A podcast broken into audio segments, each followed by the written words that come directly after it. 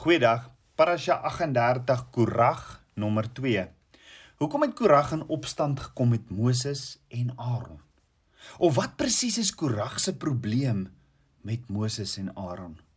Ons weet almal niks staan net sommer in Abba Vader se woord nie. Asook elke naam in Hebreëus het 'n betekenis. Byvoorbeeld in die boek Samuel val 'n koning met die naam van Nagas Saul aan, koning Saul aan wat die heel eerste koning van Israel was. Is dit heel toevallig dat die naam Nagas slang beteken? Nee, want daar was ook iets slangagtig aan hierdie aanval. Net so was daar dalk iets korags aan die rebellie van Korag. So wat beteken die naam Korag nou weer? Korag in Hebreëus beteken bult. Die wortelwoord van balt in Afrikaans gebrek aan natuurlike bedekking. Nou die woord korag bestaan uit 3 Hebreëse letters, naamlik 'n kof, 'n resh en 'n get wat in Bybelse Hebreëus saam verwys na 'n amoritiese of heidense treur of roupraktyk.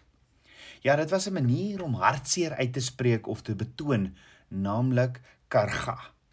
Karga beteken 'n kaal plek waar jy met opset die hare uit jou kop bo die plek by jou jou oë sou afskeer as 'n as 'n manier om 'n vreeslike vreeslike hartseer te betoon. Nou op Vader se woord sê duidelik in in Deuteronomium 14 vers 1: "Julle is kinders van Jahweh, julle God. Julle mag julle ter wille van 'n dooie nie stikkend kerwe en 'n kaalte kaalte tussen julle oë maak nie, want julle is 'n volk heilig aan Jahweh jou God en jou het Jahweh uitverkies om sy eienoomsvolk te wees uit al die volke wat op die aarde is. So die vraag is, wat het 'n ou amoritiese of heidense treur of roupraktyk enige iets met die opstand van Korag te doen?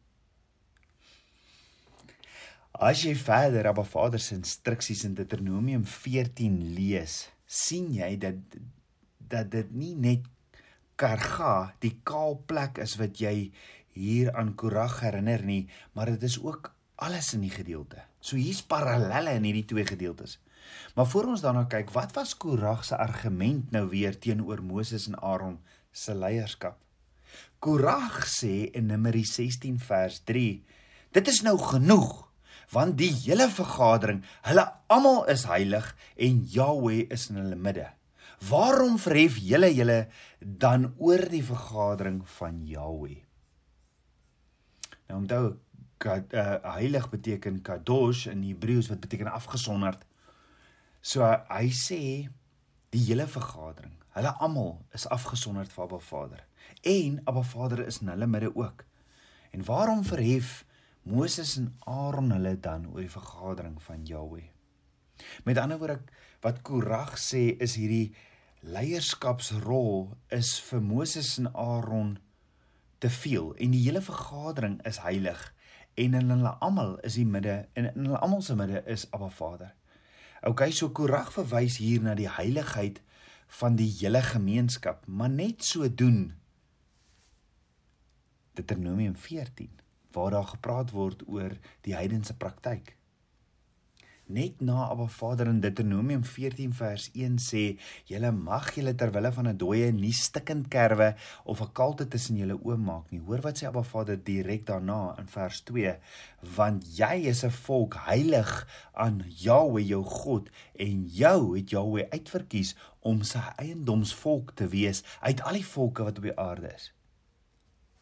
Maar dit is nie net dit nie net na Korag verwys na die heiligheid van die mense, sê hy ook vir Moses en Aaron: "Waarom verhef julle heel dan oor die vergadering van Jahweh?"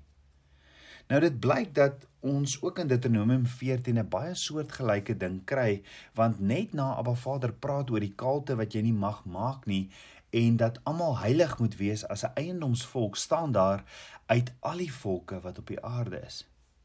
Met ander woorde die die idee van een wat uit baie gekies is is wie een soortgelyk, wie een se parallel. En dit wil voorkom asof Abba Vader se woord ons leer as jy korag wil verstaan, moet jy hierdie ou amoritiese heidense treur of rou praktyk ook verstaan, is dit nie? So kom ons kyk. Maar wat het Korag van alle dinge enigsins te doen met hierdie rou en treur praktyk? Om dit te antwoord, moet ons eers weet wat was die motivering agter Korag se opstand? As ons nou keurig hierna kyk, sien ons daar is daar is verskeie lae van motiverings. Die eerste laag van motivering, Korag se openlike woorde waar hy sê die hele volk is heilig. Waarom verhef julle julle Moses en Aaron dan oor die vergadering van Jahweh? Met ander woorde, Moses en Aaron, wat maak julle so spesiaal? Nou as ons hierdie argument van Korag kan opsom in een woord, sou dit nie dalk kommunisme gewees het nie. Want sien hy sê, ons is almal gelyk. Ons is almal heilig. Ons het geen leiers nodig nie. So met die eerste observasie na sy woorde, lyk dit asof dit sy motivering is, maar as jy aanhou lees, begin die woord vir jou 'n ander storie te vertel. Die woord sê in Numeri 16 vers 4, toe Moses dit hoor, het hy op sy aangesig geval iets wat Moses nogal reël gereeld gedoen het, nê. Nee. Dis amper asof jy hierdie voorbeeld kry van Moses wat Abba Vader se woord Spreuke 3 vers 5 en 6 waarlik opgeneem het. Ken my in alles en ek sal jou baie gelyk maak. Is dit nie wat ons almal moet doen nie? Is dit nie wat leiers moet doen nie? Maar Numeri 16 vers 8 tot 10 sê verder het Moses vir Korag gesê Luister tog, kinders van Levi. Is dit julle nie genoeg dat die God van Israel julle uit die vergadering van Israel afgeskei het om julle na hom te laat naderkom, want julle bly reg rondom die ta tabernakel, as ook om die dienswerk van Jahweh se tabernakel te verrig en te staan voor die vergadering om hulle te dien nie? En hy jou laat naderkom het en al jou broers, die kinders van Levi, saam met jou, dat julle nou ook die priester aanbegeer. OK. So dit was Moses se antwoord op Korag se opstand, maar dink daaroor. As ek Korag was en ek het gehoor wat Moses sopas gesê het, sou ek gesê het: "Moses, het jy enigsins gehoor wat ek vir jou gesê het?" Nee, Moses, Korag kon gesê het: "Moses, ek stel nie belang om self die leier te wees nie, maar julle punt is, daar moet geen leier wees nie." Maar interessant genoeg is dit nie wat Korag sê nie. So miskien het Abba Vader dadelik vir Moses die gawe van onderskeiding gegee. En Abba se Vader sê in Amos 3 vers 8, hy wys sy profete en sy knegte lank voor die tyd dinge wat kom. So miskien het Abba Vader dadelik vir Moses ook die gawe van onderskeiding gegee want Korag aanvaar Moses se uitkykpunt of uitgangspunt. Waarom aanvaar Korag dit? En dalk omdat Moses Korag se motivering reg onderskei het, is dit nie? So wat leer ons in wat Korag vir Moses sê? Dit is duidelik dat Moses iets in Korag se woorde gehoor het wat effens dieper was as wat Korag openlik gesê het. Het Korag nie dalk gesê daar moet nie 'n leier wees nie, maar eintlik bedoel hy hy moet ook 'n leier wees soos Moses en Aaron. Dis amper soos George Orwell in Animal Farm gesê het, ons almal is gelyk, maar maar maar hy is net so bietjie meer gelyk as al die ander. So die vraag is, was mag of autoriteit nie die hartsbegeerte by Korag gewees nie? Wou hy nie ook dalk deur die volk raak gesien word nie? Miskien gaan dit in die woord staan en dalk En dis dalk net hier waar ons dalk agterkom daar is seer, daar is ongelukkigheid, daar is bedroefdheid in Korag wat die wat die wortel is. Is dit nie? Hoor gou die gesprek wat Moses met Korag se volgelinge Datan en Aviram het. Moses laat roep hulle manne. Hy roep hy, hy laat roep Datan en Aviram hulle. Maar hulle antwoord en sê Numeri 16 vers 12 tot 14, ons sal nie opgaan nie. Is dit nie genoeg dat jy ons uit die land laat op oorloop van melk en honing laat optrek het om ons in die woestyn om te bring dat jy ook gedurig oor ons die baas wil speel nie? Ook het jy ons nie gebring in die land wat oorloop van melk en honing en aan ons gegee lande en wingerde as erfdeel gegee nie. Wil jy die oë van hierdie manne uitgrawe? Ons sal nie opkom nie. So hoor gou mooi. Die eerste ding wat hierdie manne vir Moses sê is ons sal nie opkom nie. Dan die laaste ding wat hulle ook sê is ons sal nie opkom nie. En die vraag is hoekom dan nie? Omdat hulle glo Moses het hulle geval. Want wat was Moses se belofte aan hulle gewees? Was dit nie dat Moses hulle na 'n land wat oorloop van melk en honing sou vat nie? Maar nou nou gebeur presies die teenoorgestelde, is dit nie?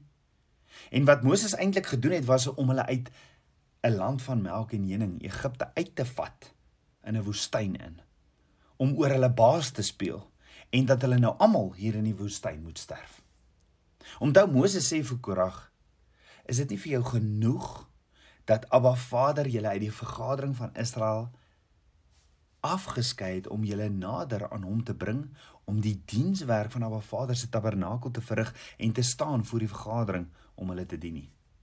En nou sê Datan in Aviram vir Moses, Korag se se manne wat hom volg, Hulle sê vir Moses: "Moses, was dit nie vir jou genoeg om ons uit die land van melk en honing uit Egipte te geneem het nie?" Met ander woorde, hulle is bitter. Daar's bitterheid en daar's kwaad. As jy hulle motivering hier moet kenmerk, is hulle motivering nie dalk kommunisme as eerste laag nie. Inteendeel, op laag 1 is hulle motivering nie eers nie eers nie eens krag vir daar is nie motivering eens krag vir hulle self nie. Dan op laag 2 van motivering is dit eintlik niks anders as woede nie. Woede omdat Moses en Aaron hulle hierheen gebring het om net in die woestyn te sterf. Onthou, dit is nie die eerste keer dat die mense in die woestyn kla dat Moses en Aaron hulle die woestyn ingebring het om in die woestyn te sterf nie. Nee, hulle het dit by die Rietsee ook gesê. Maar die verskil is hier dat dit hierdie keer 'n werklikheid is. Ah tabernakelskind van Abba. Jy sien die kinders van Israel het altyd gepraat oor hulle grootste vrees. En dit was dat hulle in die woestyn sou sterf. Hoor gou wat sê Job. Job sê in Job 3 vers 25: As ek iets vreeslik vrees, kom dit oor my. En die ding waarvoor ek bang is, kom na my toe. Oeps. Want sien, as ek die deur vir die gees van vrees oopmaak, stap hy in. Want sien, die gees van vrees kom nie van Abba Vader af nie. Wat het ons gister gesê? Wat moet ons van die tafel afvee? Negatiewe en dooie woorde. Spreuke 18 vers 21 sê dood en lewe is in die mag van die tong en elkeen wat dit graag gebruik sal die vrug daarvan eet. So die kinders van Israel het altyd gepraat oor hulle grootste vrees, maar in die verslag van die 10 verspieders het hulle hulle ge, het hulle gevrees teen die reëse of nasies waarvan Abba Vader hulle beloof het hy sal hulle beskerm, hy sal perre bye stuur om hulle te verwyder. So hierdie grootste vrees wat hulle gehad het, het 'n werklikheid geword. Ons gaan ons gaan verder môre kyk wat was die groot motivering van Korag en sy mense se opstand. Kom ons bid saam. Aba Vader, skieper van my hart, Aba ek loof en ek prys U. Vader, kom leer ons in die lewe van Korag. Wat is dit wat ons laat maak wegloop van U? Vader kom deurgrond my hart en wys my of daar enige rebellie in my is, 'n opstand teenoor u woord, opstand teenoor u orde. Vader, ek kies om lewe te spreek. Vader, ek kies om soos Yeshua my vrees net my vrees na u toe te bring. En nogtans nie my wil nie, maar u wil, Vader. Dankie dat Yeshua ons leer. Vader, ek kies om lewe te spreek. Ek kies om meer en meer u woord te spreek in my lewe, in my familie se lewe en in almal met wie ek te doen het. Help my asseblief, Papa God. Meer en meer van u in my lewe. Ek bid dit alles in Yeshua Messie se naam, die seun van Jahweh. Amen. Shalom.